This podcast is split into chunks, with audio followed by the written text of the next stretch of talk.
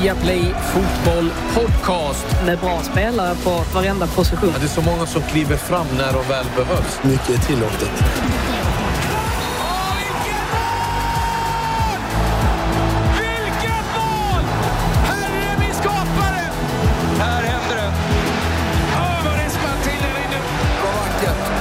Det är bästa dagen på året.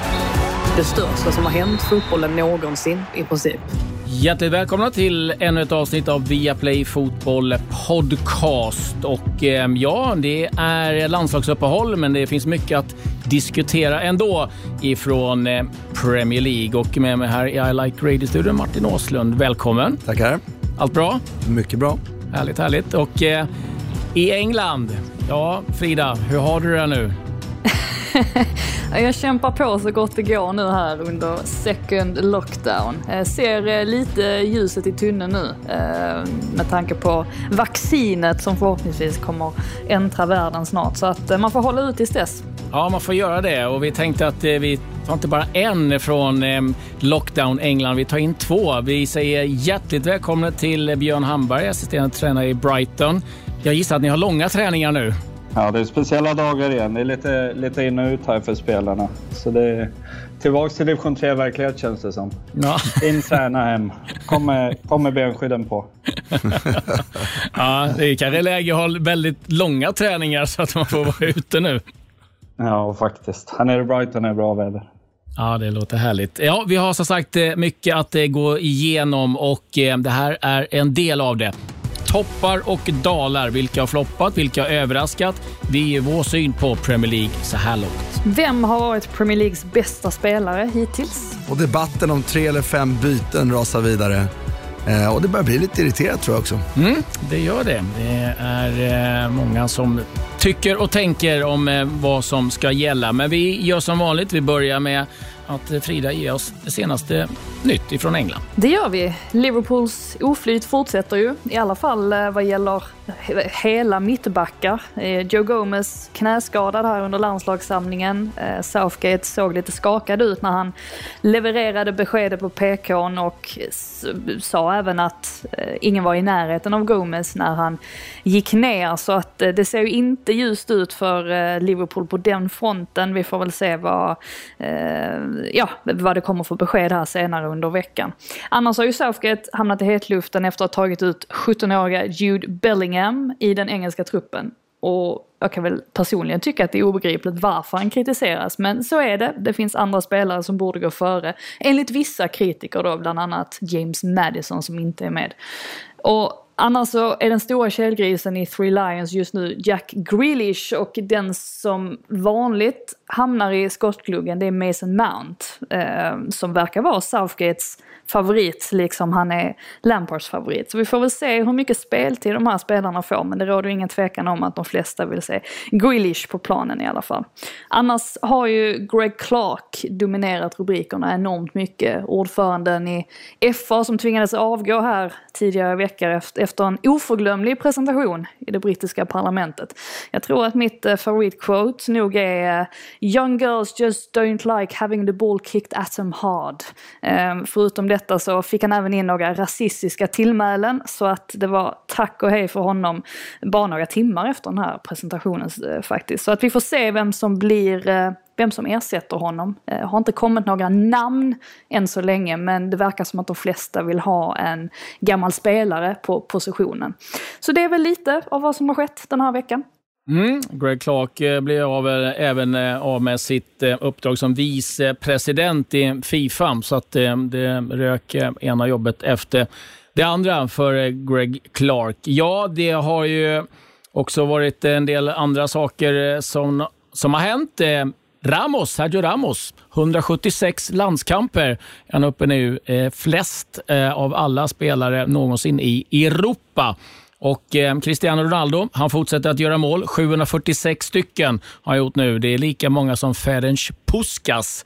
Och eh, ja, han fortsätter att ösa på Cristiano Ronaldo. Och eh, nu är det nya saker som oroar i eh, fotbollsvärlden. Det är flera spelare som har blivit beroende av tv-spel nu under lockdown och det är 15 proffsspelare som eh, faktiskt går under behandling och eh, 30 stycken som är semiprofessionella som också då har fastnat. Och Det är klart att det är nog ganska lätt efter den här lockdown att sitta och eh, lira. Eh, timmarna sticker iväg och sen är det ganska svårt att ta sig loss för det. Så att det är ett nytt bekymmer eh, för klubbarna att hantera. Eh, Frida, du får passa dig nu så du inte börjar sitta och spela Fifa dygnet Ja, nej men absolut. Jag, får, jag ska inte, hamna i den fällan i alla fall. Nej, det låter bra det. Ja, men eh, då har vi tagit fram eh, lite av nyheterna. Just det, det här måste jag också nämna, för det här var ju lite intressant att eh, regeringen i England tittar på att eh, köpa loss 200 miljoner snabbtest för att sen kanske i januari eh, kunna använda till att eh, då klubbarna, och teatrar och, och annat eh, Folk får komma dit, göra ett snabbtest inom 15 minuter, vet att om du har eh, positiv eller negativ och då kan man också börja släppa på publik. Vi får se om det blir en verklighet eh, framöver. Men vi börjar med eh, det här med eh, tre eller fem byten. Det börjar ganska irriterat. Och så här sa Andros Townsend, spelar i Crystal Palace.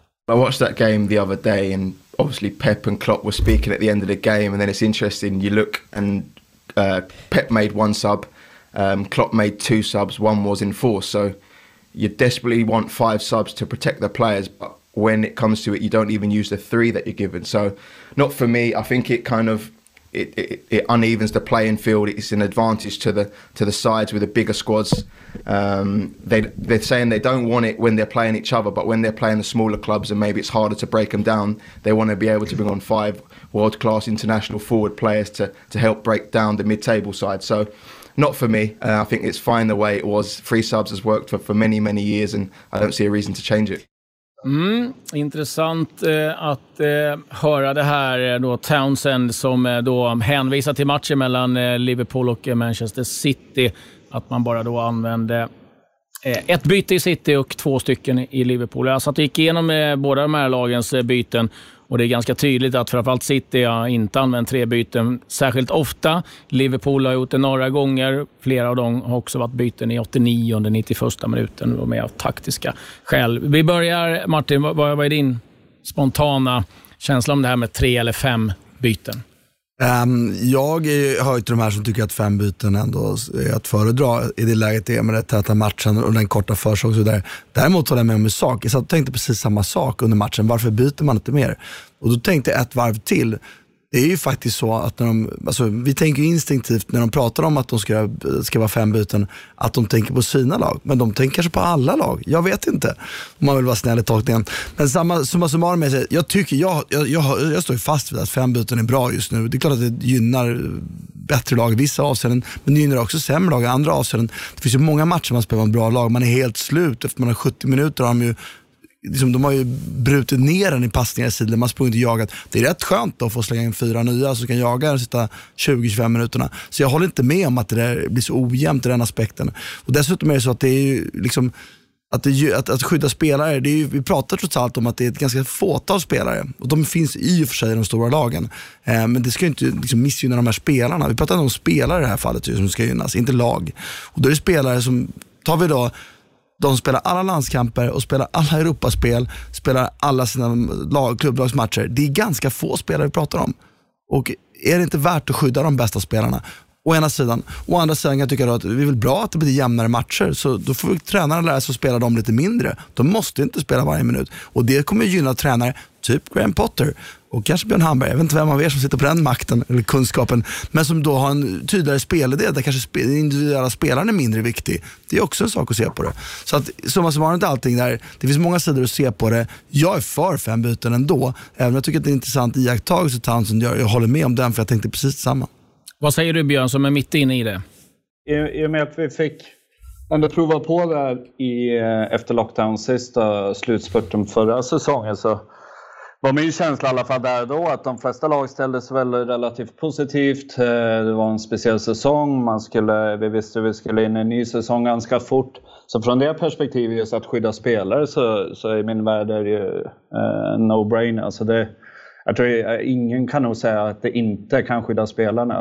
Eh, men sen, eh, sen, sen, att man använder dem varje gång och inte använder dem tror jag Fine, sitter Liverpool spelar mot varandra och man använder inte bytena så finns det mer, mer till det tror jag. Att det är fortfarande matchen är det viktigaste just där och då.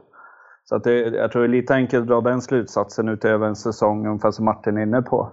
Men, men det, stora, det stora för mig också är att det kommer ett slutspel. Det kommer ett EM-slutspel där de ska vara fräscha. Och, och jag tycker man ser ganska snabbt eh, just att spelare går sönder. Det kommer väl alltid hända. Men, men, men det här, vad säger man, det är med mindre trupper, större trupper. Jag ser inte hur det kan bara gynna de större lagen. Jag klassar oss såklart som ett mindre lag. Och för oss gynnar det. Det gynnar oss att kunna använda hela truppen, det gynnar oss att kunna använda yngre spelare, det gynnar oss att kunna ge erfarenhet. Det, alltså, jag ser inget negativt med det, förutom att man alltid har gjort tre byten, om jag ska vara ärlig. Det som jag tycker är lite intressant och, och som, som jag hörde diskuterades eh, i, liksom, i, i, radion idag i England, det är just det här att flera klubbar tycker att man då ska skrota till exempel ligacupen eller FA-cupen. Eh, och då blir det ju någonstans, någon som sa, om man ska vara djävulens advokat, varför kan vi inte stryka liksom, Europa Champions League eller Europa League? För det är bara sex lag som är med, men eh, det är typ eh, 80 sex andra lag i, i engelska systemet som inte är med där. Men alltså, jag, jag vill säga bara, Nunes Porito Santos som eh, var inne på att eh, gör bytena innan matchen. Och är det någon som har tott på fötterna så är det ju någonstans eh, Wolverhampton. De spelade flest matcher i fjol, använde minst spelare och hade väldigt, väldigt få skador. Så att, det, det, jag tycker det är jättesvårt. Eh, jag, jag håller med. Men jag kan någonstans eh, känna att liksom, ja, fem byten är bra, men det är också att man kanske ska kunna använda hela truppen under den här säsongen också. Frida, vad, vad säger du om det, om det här? Vad är din ståndpunkt? Vad känner du? Alltså jag är lite splittrad. Ehm, den konservativa sidan av mig känner ju att eh, fotboll går inte ut på att byta ut halva laget. Ehm, lite så. Men å andra sidan så har man ju precis som vi har varit inne på också, att man har full förståelse för att omständigheterna är som de är och att man kanske då får göra ett undantag. Jag tror att problemet med hela den här diskussionen, det är för att den här har ju funnits tidigare, det har ju inte med pandemin att göra eller, eller sådär, det har ju funnits i många år.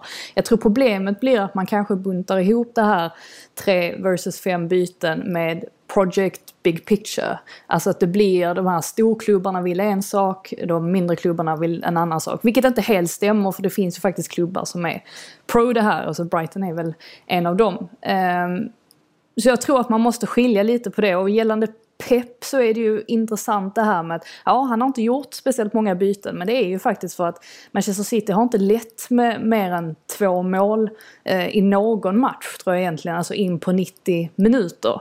Och eftersom att de inte har gjort det så har han väl inte känt sig tillräckligt avslappnad eller han har inte känt att han har kunnat göra eh, så många byten. Eh, man såg ju det också när, när Liverpool mötte Atalanta och de eh, vinner med eh, hur många mål som helst och matchen var i princip död efter, ja men vad var det, låt säga eh, 55-60 minuter. Då kunde ju Klopp utnyttja de här bytena och gjorde också alla fem byten. Så man ser att det har ju mycket med det att göra. Och gällande skador och sånt, jag det är inte så konstigt att Nuno, eh, eller att Wolves inte har sådär jättemycket skador. De har ju ett, ett, ett spel, eller hade tidigare ett spelsätt som eh, inte var sådär jättepåfrestande medan andra lag har, har ett mer explosivt sätt att spela på. Så att det är många parametrar att, att väva in här. Eh, men jag skulle inte bli förvånad om det faktiskt blir så att det blir en ändring nu. Eh, att man inför fem byten eh, när halva säsongen har gått eller sådär. Men faller inte argumentet Pep har där med att jag, vi måste skydda spelarna, men sen när jag inte leder med mer än 1-0, då, då använder jag dem tills eh, vi har vunnit matchen. På lite, det är lite det Björn var inne på, den enskilda matchen så kommer det ändå råda över den situationen. Även om jag håller med till saken.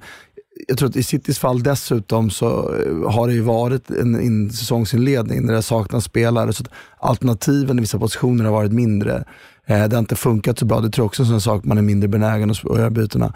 Men jag, jag är ju för fem byten och jag tycker det föll väl ut. Jag tycker det är jättebra när man ser det i Champions League, Europa League. Jag tycker dessutom om den möjligheten klubbar har.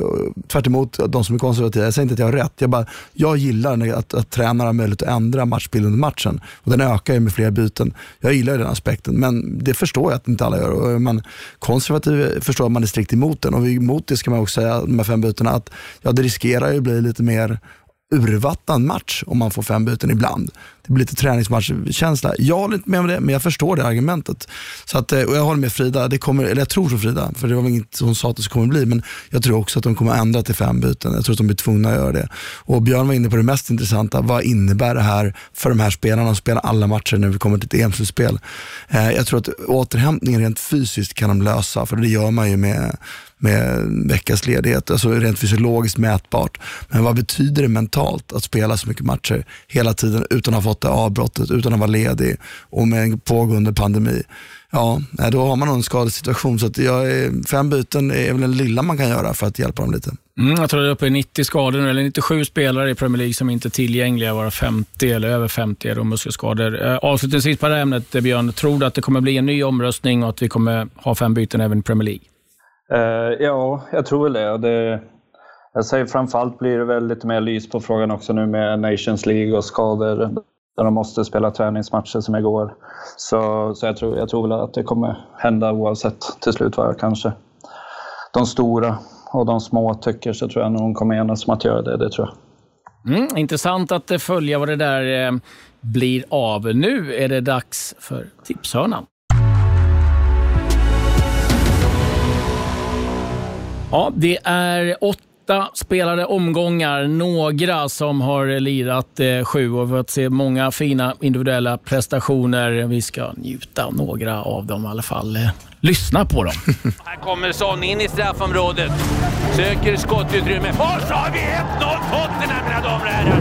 Får han fram den där fint till Jota och den där är godkänd. Fånga upp den igen för hjälp av eh, Kofall. Kofall lyfter in den mot Antonio och vi har mål! Energi och med rätta. Nu Everton och tittar, får de ett mål också?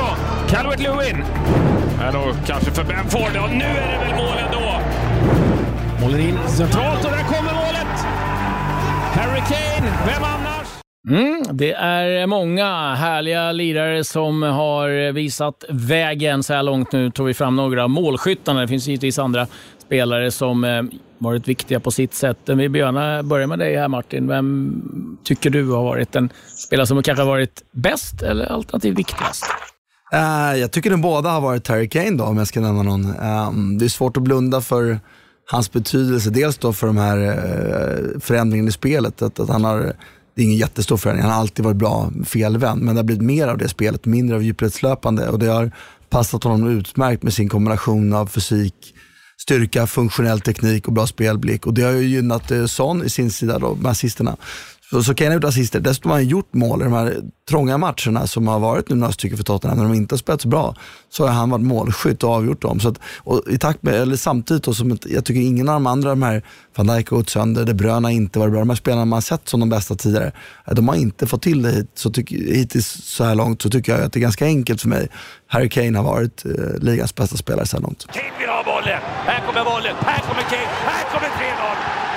Det är bara att lyfta på hatten för detta Tottenham. Björn, vad säger du?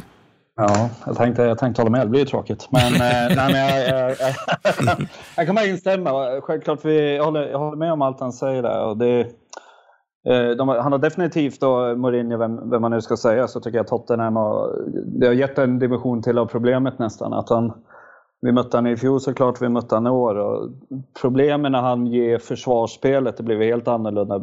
Han, han, I och med att han droppar ner hela tiden och i att han är så pass duktig att vända upp och sätta den här djupledsbollen också till Son. Och, men även när han ska hålla i den så, så ställer han mer vi fick mer frågor mot oss i år, rent backlinjen. Liksom. När pressar vi? När följer vi med? När, när låter vi komma in på mittfältarna för att slippa släppa de här hålen? För att då visste vi att då, då är det ett hål för Son istället.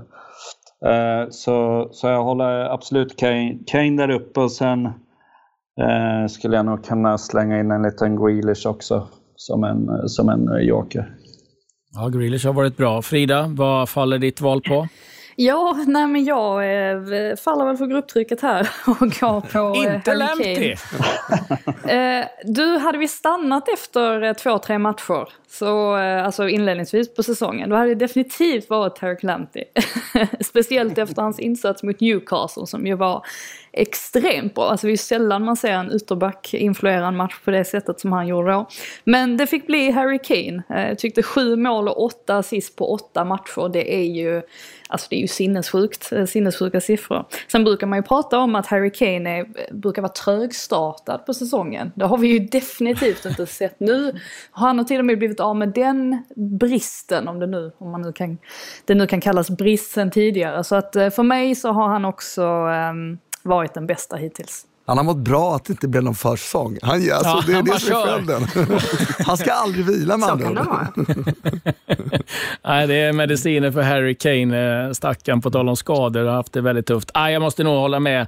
Men jag är lite inne på ditt spår också här, Björn. Eh, Jack Grealish har varit oerhört bra och givetvis en av stor anledning till att eh, Aston Villa har gått eh, så bra. Det finns många spelare att eh, nämna. Liksom en som man glömt bort lite grann nu, att Everton har sladdat, det är Dominic Calvert-Lewin som började säsongen riktigt bra. Ehm, så att, ja, det finns eh, många som eh, hamnar i det där blickfånget. Vi, vi går från spelare då till eh, till lag. Om vi, om vi börjar med det som har varit positivt då, Martin. Vilket lag tycker du har varit det som imponerat mest på dig så här långt in i Premier League? Alltså, mm, man kan ju nämna många lag eh, i förbifarten som att jag tycker att det är imponerande. Jag tror, såg inte Tottenham förbättras på det sätt man har gjort.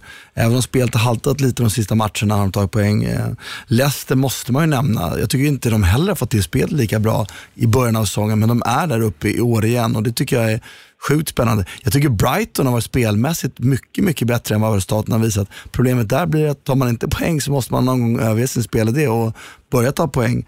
Eh, men jag har redan nämnt, ett lag som Aston Villa är ju, det måste ju vara den mest positiva överraskningen för mig eh, det här året.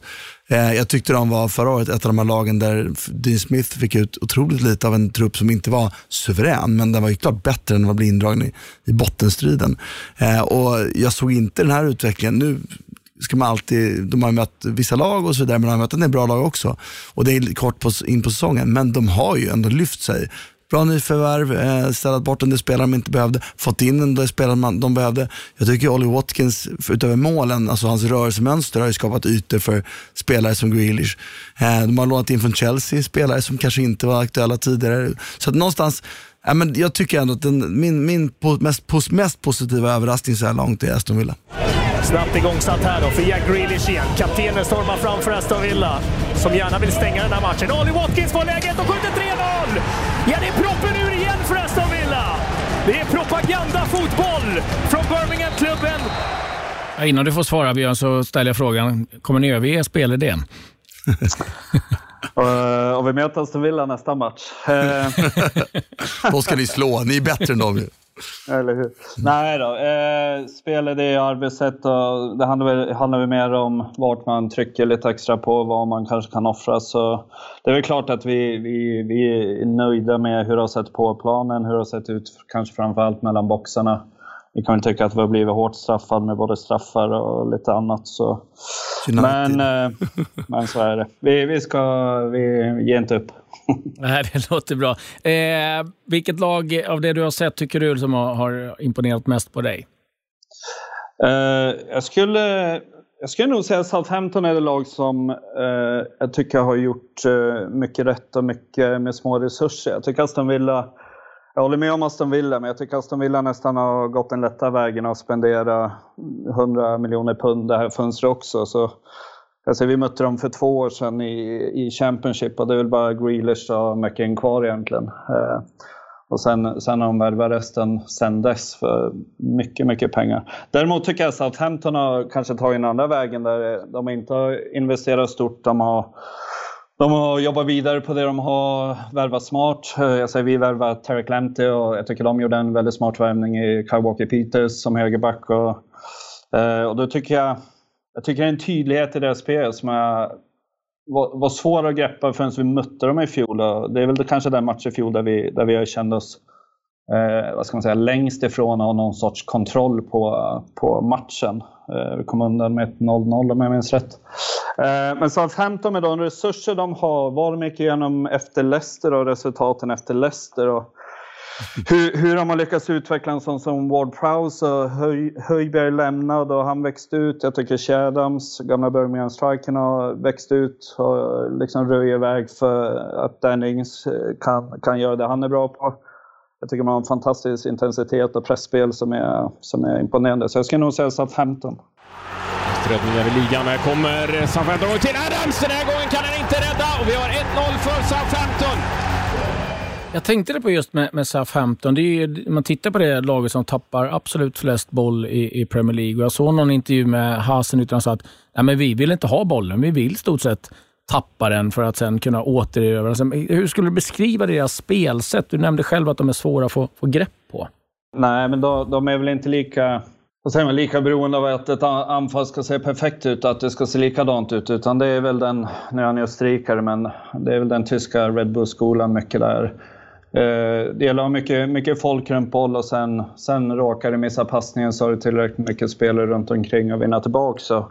Och de, de, har väldigt mycket spelare centralt. De har, väldigt, eh, de har både duellspelare, de har spelare som kan löpa oerhört. De har en sån som Stuart Armstrong som ger liksom en riktning i spelet. Eh, då tycker jag att de har kanske en av deras bästa spelare inte alls haft, eh, vad säger man, en påverkan på resultaten på samma sätt i år. Det är ju Redman. Eh, men jag vet inte om Ings vann skytteligan i fjol, men det underlättar ju alltid att ha någon som stoppar bollen i nät också såklart. Jag tror han delar den i alla fall. Man var ju definitivt med i topp. Frida, vad, vad faller din lott på? Ja, alltså nu kommer det låta som att jag tar svar från er, men jag var också inne på Southampton. Ehm, så är det när man svarar av... sist. ja, men precis. Jag lovar att jag hade tänkt på det innan ni sa det. Men, eh, nej, men jag, det är ju framför allt för att de verkligen lyckades göra en helomvändning från den här brutala storförlusten mot Leicester för knappt ett år sedan. Och eh, liksom vänder helt på skutan och um, har fortsatt förtroende för Hassenhüttel som är en fantastisk tränare. Och så har det gått så här bra, just det här med att kunna ersätta Höjbjerg, eh, Ward Prowse eh, har fått sin utveckling och så vidare. Eh, jag tycker att de har, eh, ja, men de, de har imponerat oerhört eh, mycket. Jag är inte riktigt övertygad om, eh, alltså vet att Aston Villa har ju sett eh, fantastiska ut än så länge, men jag är inte helt övertygad om just Dean Smith, alltså om man tar liksom Hassenhüttel kontra Dean Smith så håller jag Hassenhüttel mycket, mycket högre och det säger kanske en del. Um, men vi får väl se uh, hur det går för dem. Alltså jag håller helt med om Dean Smith att det finns frågetecken och att jag tror att Aston Villa kommer falla tillbaka. Southampton, när jag sett de matcherna däremot, de står extremt högt på sin backlinje, även när motståndaren är opressad Björn. Det kan ni tänka på. De står extremt högt. Och även jag om tror att Björn har koll på ja, men Tänk på det. Spela bakom, för det är ganska lätt att göra det mot dem. Och det är typiskt den tyska skolan. De är nästan lite väl naiva när de håller upp backlinjen. Det gjorde de ju faktiskt mot Tottenham och det straffade sig rätt Ja, och de gjorde det hela första halvlek och det blev inte mål, men det fanns, typ, jag tror vi visade pauser på tio omställningslägen. Där sa vi så här i halvtid, det här kommer de korrigera, det går inte att fortsätta så här. Men det gjorde de och då var det fyra baljor på 20 minuter. Så att, där har de en viss nej, tysk naivitet, även om det är en österrikisk tränare. jag är mest imponerad av att han har en eh, träningsroll som ser ut som en dykardräkt, eh, Raffe. du väljer att fokusera på olika saker. eh, ja, ja, det finns mycket och eh, jag, jag, jag hamnar i så många lag som jag tycker är bra, men jag, liksom, någonstans gamle Roy ändå med sitt Crystal Palace. Liksom det, de var liksom hårt ansatta med skador. Liksom ingen försäsong som kanske inte var optimal för åldersstrukturen i, i den där truppen. Ett nyförvärv egentligen som kommer in och ja, de fortsätter. De har 13 poäng så här långt. jag måste säga, jag, jag tycker att det är imponerande av eh, Crystal Palace, eh, på tal om att det inte var särskilt mycket pengar att röra sig med, så får man också lyfta lite för West Ham, för det var ju domedagsrubriker ganska rejält över den här klubben. Men eh, ja, de simmar än i varje fall, eh, West Ham. Om vi börjar nerifrån då, Martin. Vilka har varit den stora besvikelsen? Um, det måste ju nästan vara Arsenal ändå. Uh, och jag tycker det har varit en sån så det är klart man ser ju en tydlig metod eh, som, man, som jag gillar som en grund, men jag tycker att det, man borde se mer resultat av den metoden Eh, efter så här pass lång tid som ändå har gått. Och, det är inte, och Då säger jag också det med, med den typen av spelare som ändå finns, så tycker jag man får ut ändå för lite. Så för mig har det varit den största negativa överraskningen. Jag trodde att de skulle kunna vara högre upp. United var för mig, är inte för mig ett lag. Eh, nu har de endast matcher mindre spelade ju, så det är lite skev tabell för deras del. Men att de skulle kunna gå så här dåligt, det såg jag komma. Jag tycker inte Solskjaer imponerade med sin idé att spela. Så att, för mig måste det handla på Arsenal. Jag trodde ändå att de skulle vara med. Jag trodde att, de, att Arteta, jag trodde mer på honom, eller ville tro mer på honom. Det är väl det som är själva grejen med Arteta. Många vill tro om honom. Och trodde att det skulle komma längre fram i sin utveckling. Och jag tycker spelet tvärtom. Eh, inte metoden som sagt, den är tydlig. Men jag tycker den är mindre farlig och det är klart att det beror lite på individerna som är kanske i form. Men det finns så otroligt många individuella spelare där. Han har ju en bänk som få andra lag har på offensiven och skapar man så lite då offensivt då, då tycker jag ändå att man måste se det som en besvikelse så här långt.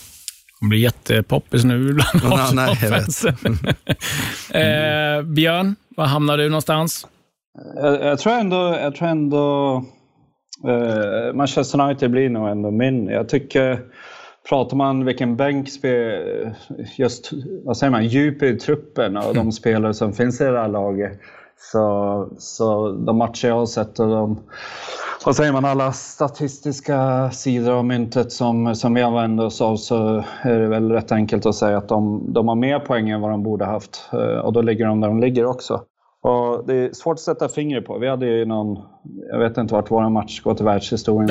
Nej, den var otrolig. Mm. Käns, känslomässigt, men, eh, men jag tycker till och med en sån match så känner jag väl att vi nästan ska ha tre poäng. Och, så, så de poäng de har skrapat ihop skulle jag nog inte sätta som att det är verkligen välförtjänta poäng heller. Eh, och jag tycker man ser någon liten vad säger man, kan se Pogba var världsklass igen och sen nästa match är han på bänken och sen nästa match är han bra. Jag tycker det nästan rullar runt i deras trupp på något sätt. att De har världsklasspelare överallt men att vad är deras bästa lag? När vi mötte dem i fjol efter lockdown så var de kanske bäst i serien och då rullar det på jätteenkelt och, och det lag vi mötte i år kändes väldigt långt ifrån det. Så, så rent vad jag förväntar mig av dem, eller vad jag tycker deras högsta säger man, punkt av eh, var de långt ifrån när vi spelade mot dem. Så det var en besvikelse för mig.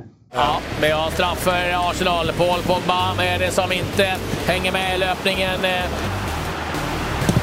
Ah, säker är han, eh, Aubameyang ifrån straffpunkten. Arsenal, eh, där blåser han av och den där segern betyder oerhört mycket för Arteta och Arsenal. Man besegrar äntligen ett eh, topp 6-lag på bortaplan.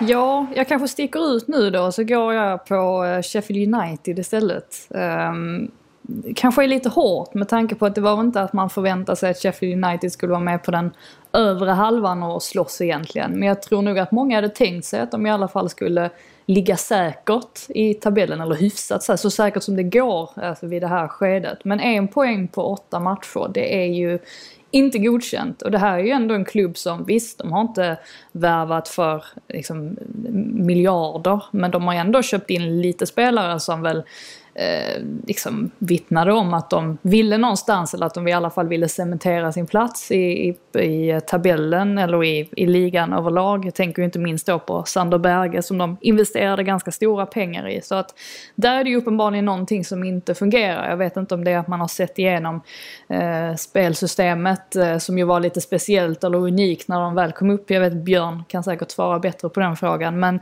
eh, där finns ju definitivt, definitivt ett frågetecken kring dem just nu.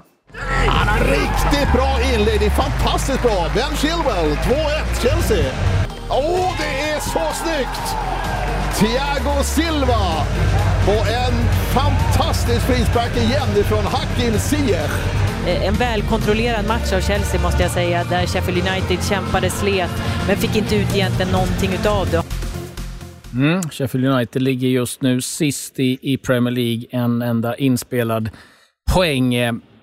Ja, Manchester City eh, känner jag lite sådär. Jag menar, det är ändå liksom en tionde plats. Det är 12 inspelade poäng. Ja, det är eh, en match mindre spelad. 10-9 i målskillnad. Eh, det har varit skador, men det har det varit för andra lag också. Med den truppen så borde man väl kunna hitta på lite till. Jag, jag, jag känner liksom någonstans, för mig så tycker jag liksom att City, så som det sett ut prestationsmässigt, så ja, jag hade nog räknat med att de skulle vara lite högre upp i, i tabellen.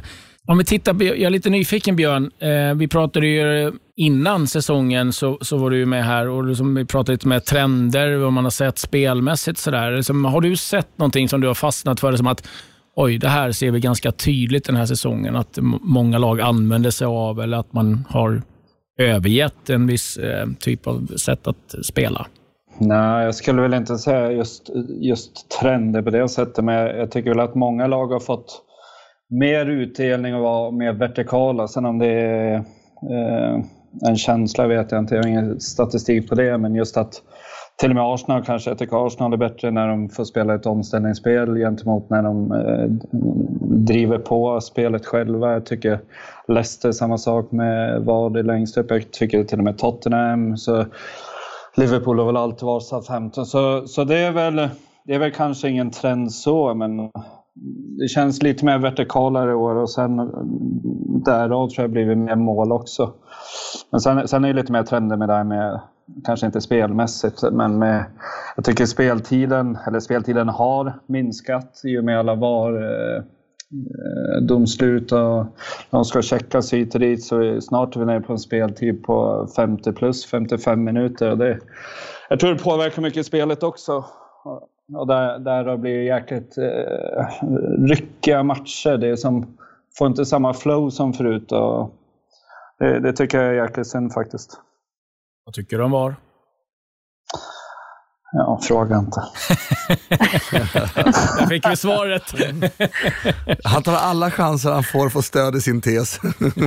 Eller du är emot VAR? Nej, nej jag är, jag ja, förlåt, är för VAR. Jag är för VAR, så att, eh, men inte kanske så som nej. det sköts i England. Mm. Det, eh, där finns det att göra. Jag tycker tyvärr att eh, eh jag har kommenterat när vi hade italienska ligan när det började införas. Jag har haft Bundesliga under hela den här perioden. Och eh, ja, det, det har varit problem där också, men eh, sen när Mike Riley och company kom in, herregud. Alltså, de har ju, allt som man har kunnat strula till har de ju lyckats strula till. De vet ju inte ens reglerna själva. Då blir det ju något problematiskt. Och sen att man då väljer att skydda domarna istället för att gå ut och säga att det blir fel. Eh, det här kunde ha varit bättre. Eh, men det är, det är så svårt att se när man viss domare sen blir avstängd i två veckor eller tre omgångar eller vad det varit i olika eh, varianter. Så jag, jag, tror på att eh, det är för att stanna, men sen behöver man liksom någonstans lösa det. Det behöver liksom gå snabbare eh, och då tror jag att man kan hitta rätt väg. Eh, ja, eh, det är ju eh, mycket som är intressant här. Eh, jag är lite nyfiken på vad, vad ni tycker liksom om, eh, vi var inne på dem lite grann, men ett lag som Tottenham, José Mourinho, det jobbet han har gjort eh, med, med Harry Kane. Vad, vad, Frida, vad, vad, säger man? Som du följer liksom givetvis rapporteringen noga i England. Liksom, är de ett lag, eh, är känslan ändå att det är väldigt så mycket positivt i, i Tottenham mot vad man kanske trodde att det skulle vara? Ja, men det, det tycker jag väl. Eh, absolut. Och egentligen det som Mourinho har gjort och som jag vet att vi har varit inne på mycket under hösten. Det är just det här att det har skett en liten förändring i attityd hos Tottenham-spelarna och att det nog var ganska mycket problemet, alltså dels under Pochettino men även under alltså, delar av Mourinhos säsong också eh, sedan han kom in. Att det har varit lite för, eh, ja men lite, lite ofokuserat ibland som har lett till ganska onödiga baklängesmål. Vi har sett tendenser av det under hösten också, inte minst i matchen mot West Ham där man helt slappnar av och, och upprepar de här misstagen igen. Men det visar ju bara att även om Mourinho och Tottenham har kommit en bit på vägen så finns det fortfarande en hel del kvar att göra. Alltså det som har varit um, alltså väldigt uh, tydligt också är ju att Eh, ju bättre Höjbjerg har blivit längs med säsongen desto bättre har Tottenham blivit också. Och det är ju den urtypen av spelare som Mourinho gärna vill ha i sitt lag och som betyder väldigt mycket för dem. Och så dels då att de har gjort bra rekryteringar, Reguljon och eh, Gareth Bale inte minst då som säkert är en, det är inte bara det att Gareth Bale är en bra spelare men liksom hela symbolvärdet kring att han kommer hem igen och alltså den vinnarskallen som han får med sig eh, bidrar ju såklart jättemycket till deras framgångar. Och så då på det liksom Son och Kane, de har många bra spelare, Tottenham. Så att just det där att hitta den balansen att inte släppa in en massa onödiga baklängesmål eh, och eh, balansen på mittfältet framförallt. Alltså då har de ju verkligen någonting bra på gång. Så jag tror de kommer hänga med där uppe. Så länge de inte åker på någon skada, alltså förutsatt att det inte sker, så tror jag att de kommer ändå hänga på där uppe i toppen under säsongen. Ja, det är väl bara att hålla med mycket. Jag ska säga en sak om Tottenham bara, som jag ändå, jag, jag tycker mycket, vi har pratat om det, att det blir bättre. Jag håller med Frida om att spelet har blivit bättre under, under, lite överraskande för mig, för jag tyckte inte utvecklingen såg ut så under våren. Eh, men och en del spelare tycker jag har blommat ut, tagit steg till. En Dombele tycker jag är en fantastisk fotbollsspelare. Och jag förstår att det är problem att ha honom på plan ibland med attityd och sådär. Eh, men med det sagt så tycker jag fortfarande det finns brister i Tottenham som jag känner att de har. Jag ser inte dem nödvändigtvis som ett lag som blir topp fyra ändå. Ehm, jag hade dem utanför topp fyra inför och nu känner jag att, ja men kanske topp fyra. Därför det finns ju ändå perioder i matchen, man ska ändå ha med sig att de har gjort mål sent två gånger, fått med sig poäng. Tappade visst mot West Ham, men de var bara bra en halvtimme. Ehm, så 15 fick de en väldigt, väldigt lätt match. Ehm, så det, de har blivit bättre, men jag, är fortfarande inte, jag ser ändå inte det här så jämför med Brighton för att ta ett exempel. Man ser hur bra de är på att ta sig till vissa situationer med bollen om och om igen. Tottenham är fortfarande lite mer beroende av individuella spelarnas kvaliteter. Nu är de spelarna så pass bra, ja det löser sig själv många gånger. Men när laget börjar spela lågt mot dem så ser jag fortfarande samma problem för Mourinho. Han har lite svårt att bryta ner lågt spelande lag och har fått lite bättre utdelning de matcherna han borde ha. Det är min take på det. Även om jag är med Frida, Tottenham har sett väldigt bra ut. Vad är din blick av eh, Tottenham, eh, Björn?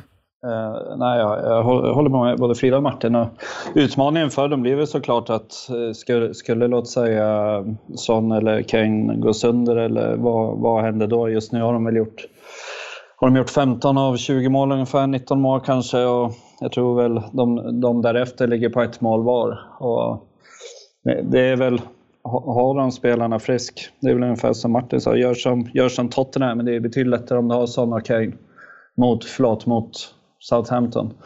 Eh, så just nu gör ju de, de gör sina mål. Det är mål som förändrar matcherna. Men jag håller med. Jag kan inte säga att det är ett lag som ett, ett lag som verkligen säger okej, okay, hur stoppar vi det här på samma sätt som kanske Liverpool och Man City i deras nivåer. Utan jag tycker vi, vi stångades rätt bra med dem och fick väl en, en valstraff emot oss. Så, Men nej, men jag skulle väl tro att de har mer att ge. Jag tycker definitivt Höjbjerg har kommit in och verkligen stabiliserat upp det där mittfältet. Och jag tycker, tycker det är en jäkligt stark motor på det mittfältet som de kanske har saknat. Sen i mitt tycke, Dembele var där. Den, den gamla Moussa, belgaren där, som var en personlig favorit. Mm, ja, det blir intressant att följa vad Spurs kan hitta på. Eh, Londonrivalen Chelsea, där har det faktiskt börjat ånga igång och tittar man lite på hur deras nyförvärv har Eh, levererat. Så har vi Werner, åtta mål, tre assist. Eh, Havertz, fyra mål, tre assist. Ziyech, två mål, fyra assist. Chilwell, två mål, tre assist. Thiago Silva, ett mål, kanske viktigast. Det har varit fem nollor. Och eh, Mendy hållit nollan sex gånger. Är de en titelkandidat? Ja, skulle jag säga då. Alltså, med, med, den trupp som, alltså Lampard tog över ett lag som blev trea i ligan, vann Europa League. Det var ingen dynging han tog över. Utvecklingen var lite slätt negativ under, honom, under, under hans år. Det blev faktiskt sämre och sämre tycker jag.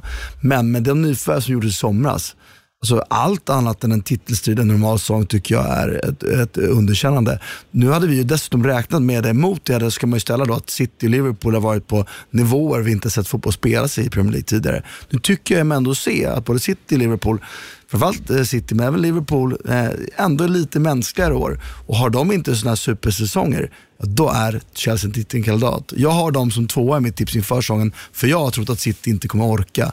Utan jag har hållit Liverpool som en nivå över de andra lagen, för de kan vinna på så många sätt. De kan vinna på press och understöd, de kan vinna på att spela lågt, ställa om, kan vinna på att spela anfallsspel mot lågspelande lag. Men de har, halkat, eller de har liksom inte fått till det riktigt. med van Dijk borta, Alltså Chelsea är på väg mot någonting. Det, kommer inte, det ska ju inte bli sämre under nu.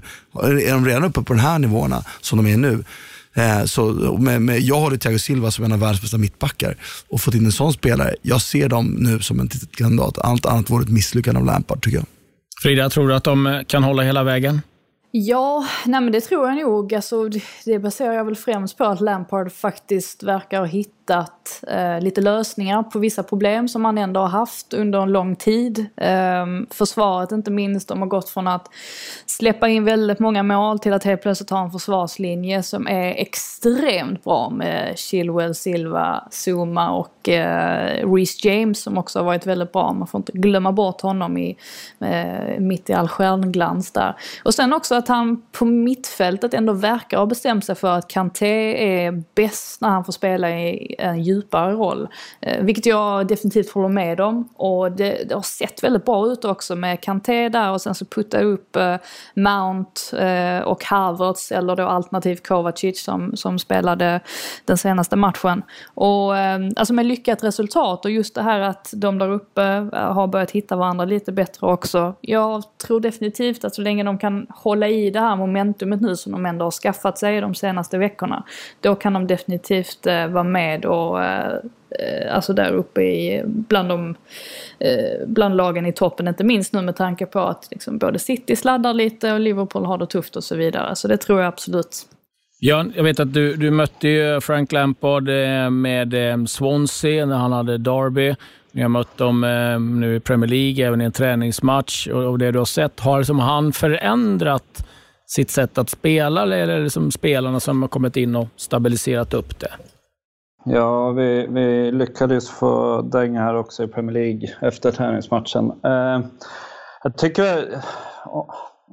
Eh, jag tror, varför jag, jag håller med, jag tror att de kan vara en titelkandidat och jag tror det här att plana ut ganska väl för honom just eh, med fjolåret han inte fick värva gav många spelare chansen. Eh, det är i min värld väldigt viktigt som en tränare liksom visa att jag, jag, tror på er unga och sen i slutändan så har han ju bestämt sig i år att nu ska de spendera och då har man sett vilka, vilka håller, vilka håller inte. Eh, men, men jag säger stora skillnaden, vi mötte dem nog när de inte var riktigt samspelt än. De har ju precis kommit i förvärven och så här. Och den dagen Ni var bättre. Väl, Ja, jag säger det. Den dagen imponerar de kanske inte på, på mig på samma sätt som jag sett dem nu senaste matcherna. De har betydligt, eh, de har betydligt eh, snabbare passningsspel. De har Chilwell har kommit in och gjort en jäkla skillnad på vänsterkanten. Eh, det, jag jag mest imponerad är nästan djupet de har i truppen och olika spelartyper. Det är ungefär lite grann som man, som, som man vill ha en trupp byggd ska jag säga. Att du har, du har bollvinnare, du har Behöver man lösa upp så kan man sätta in Kovacic istället för Kante beroende på matchbild. Och behöver du slå in kan du stoppa in Tammy Ram längst upp bredvid Werner eller istället för. Och jag tror verkligen att det är en trupp för slåss där uppe. Jag tycker de ska göra det. Frank Lampard vill ju spela en offensiv fotboll och som Frida sa i fjol släppte de in fler mål än oss. Och, och då har de värvat en mittback, en vänsterback och en målvakt och såklart ser de bättre ut. Ja, vi får se lite hur det går för eh, Chelsea framöver. Vi måste ju prata lite Brighton här, Björn, eh, när vi har med dig. Det är eh, en 16 plats just nu, sex inspelade poäng. Hur summerar du liksom era åtta första matcher så här långt? Rent...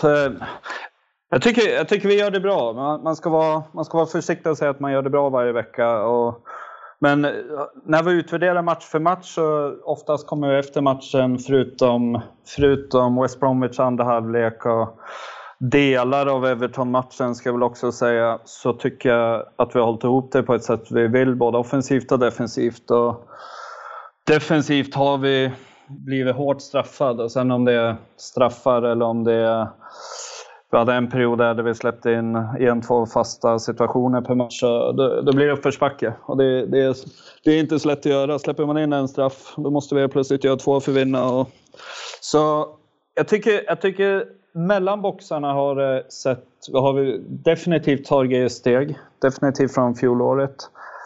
Eh, vi kommer till fler lägen, vi kommer med mer folk i boxen, vi kommer med, vi, vi, vad heter det, förhindrar mer målchanser. Men vi har väl haft en liten period där vi släppt in olika sorters mål men ändå likadana på något sätt. Det är en stor chans mot West Bromwich och då sitter den. Och det är väl, det är väl där vi, vi måste ta vårt nästa steg. att Vi måste kanske hålla nollan ungefär mot Burnley och sen till slut så måste vi trycka in 1-0 och vinna med 1-0 istället för 3-2 tror jag man har större chans att göra. Om man frågar då lite, om man är lite elak då, att går det att eh, liksom få bättre effektivitet då med, med Mopé och med Solly March eller med Trossard eller vem du nu spelar. Jag säger Aaron Connolly.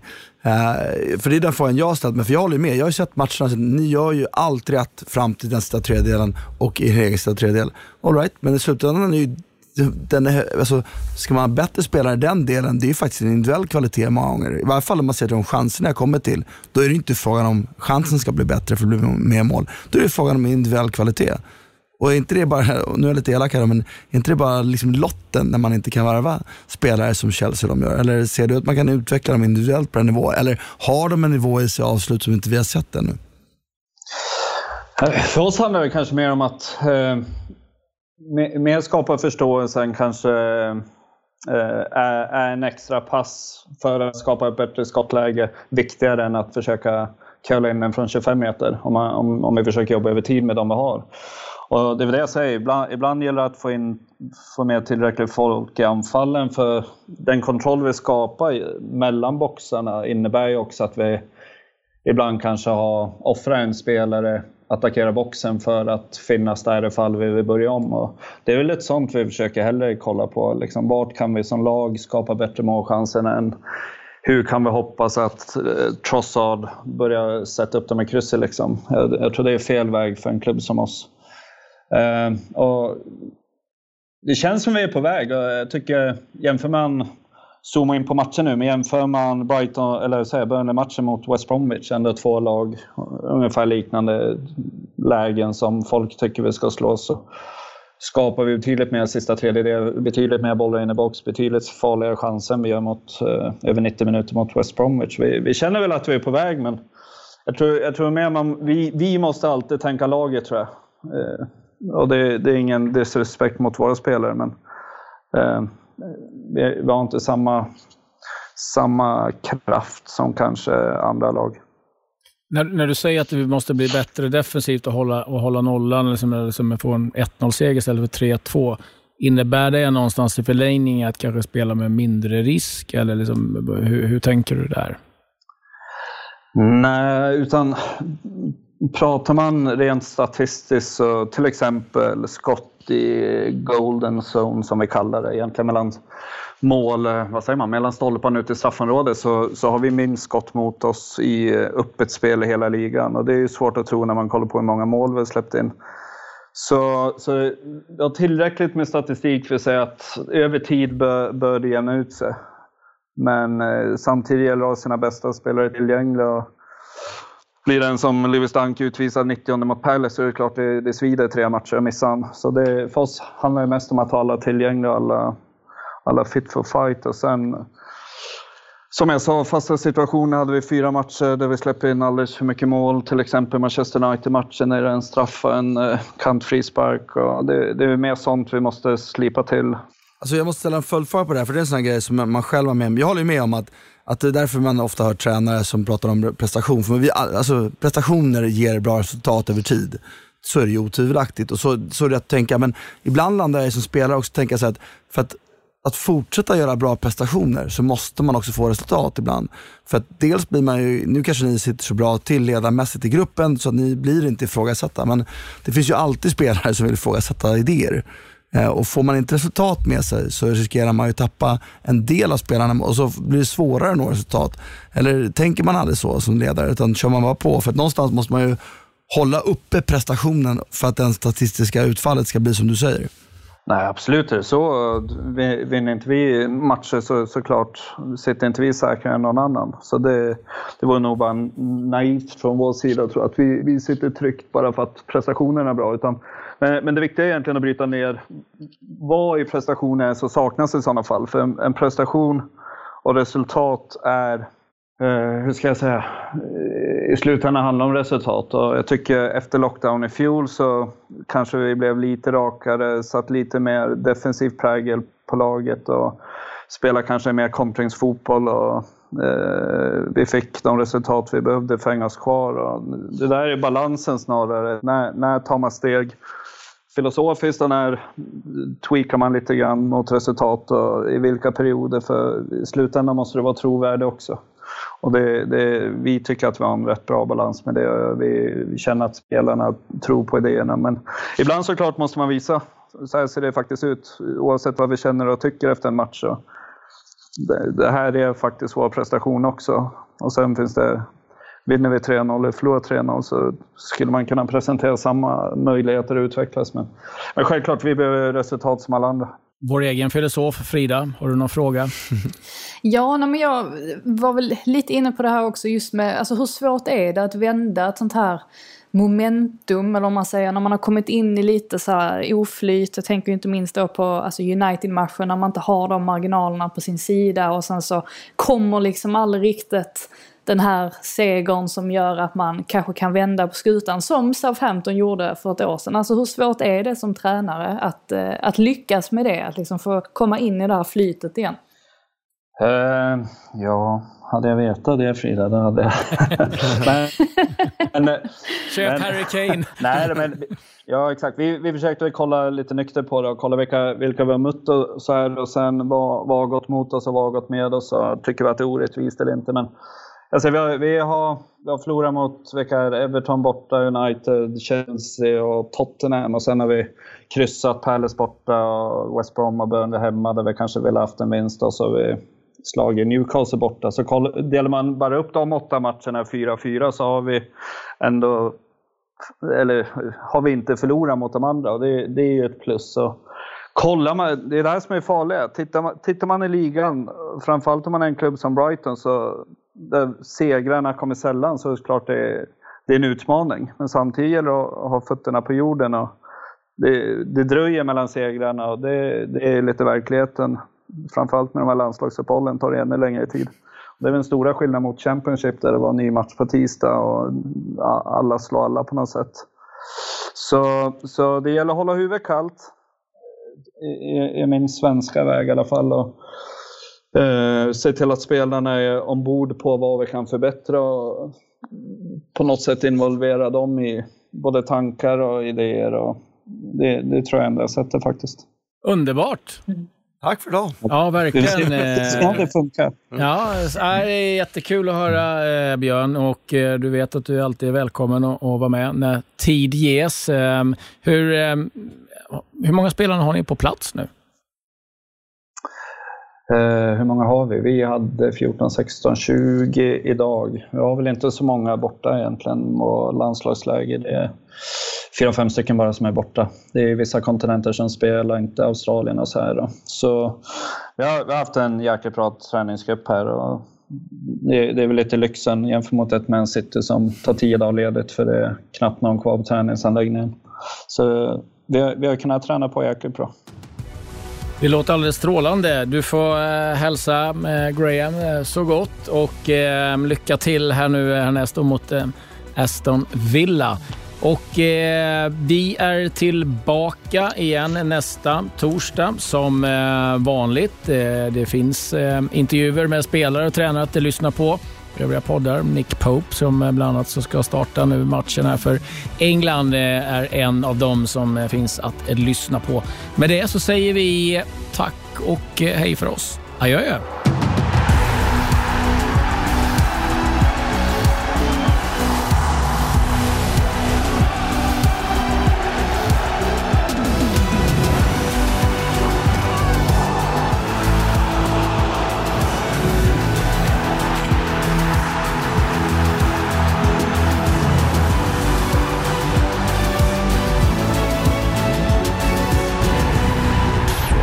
Produceras av I Like Radio. I like radio.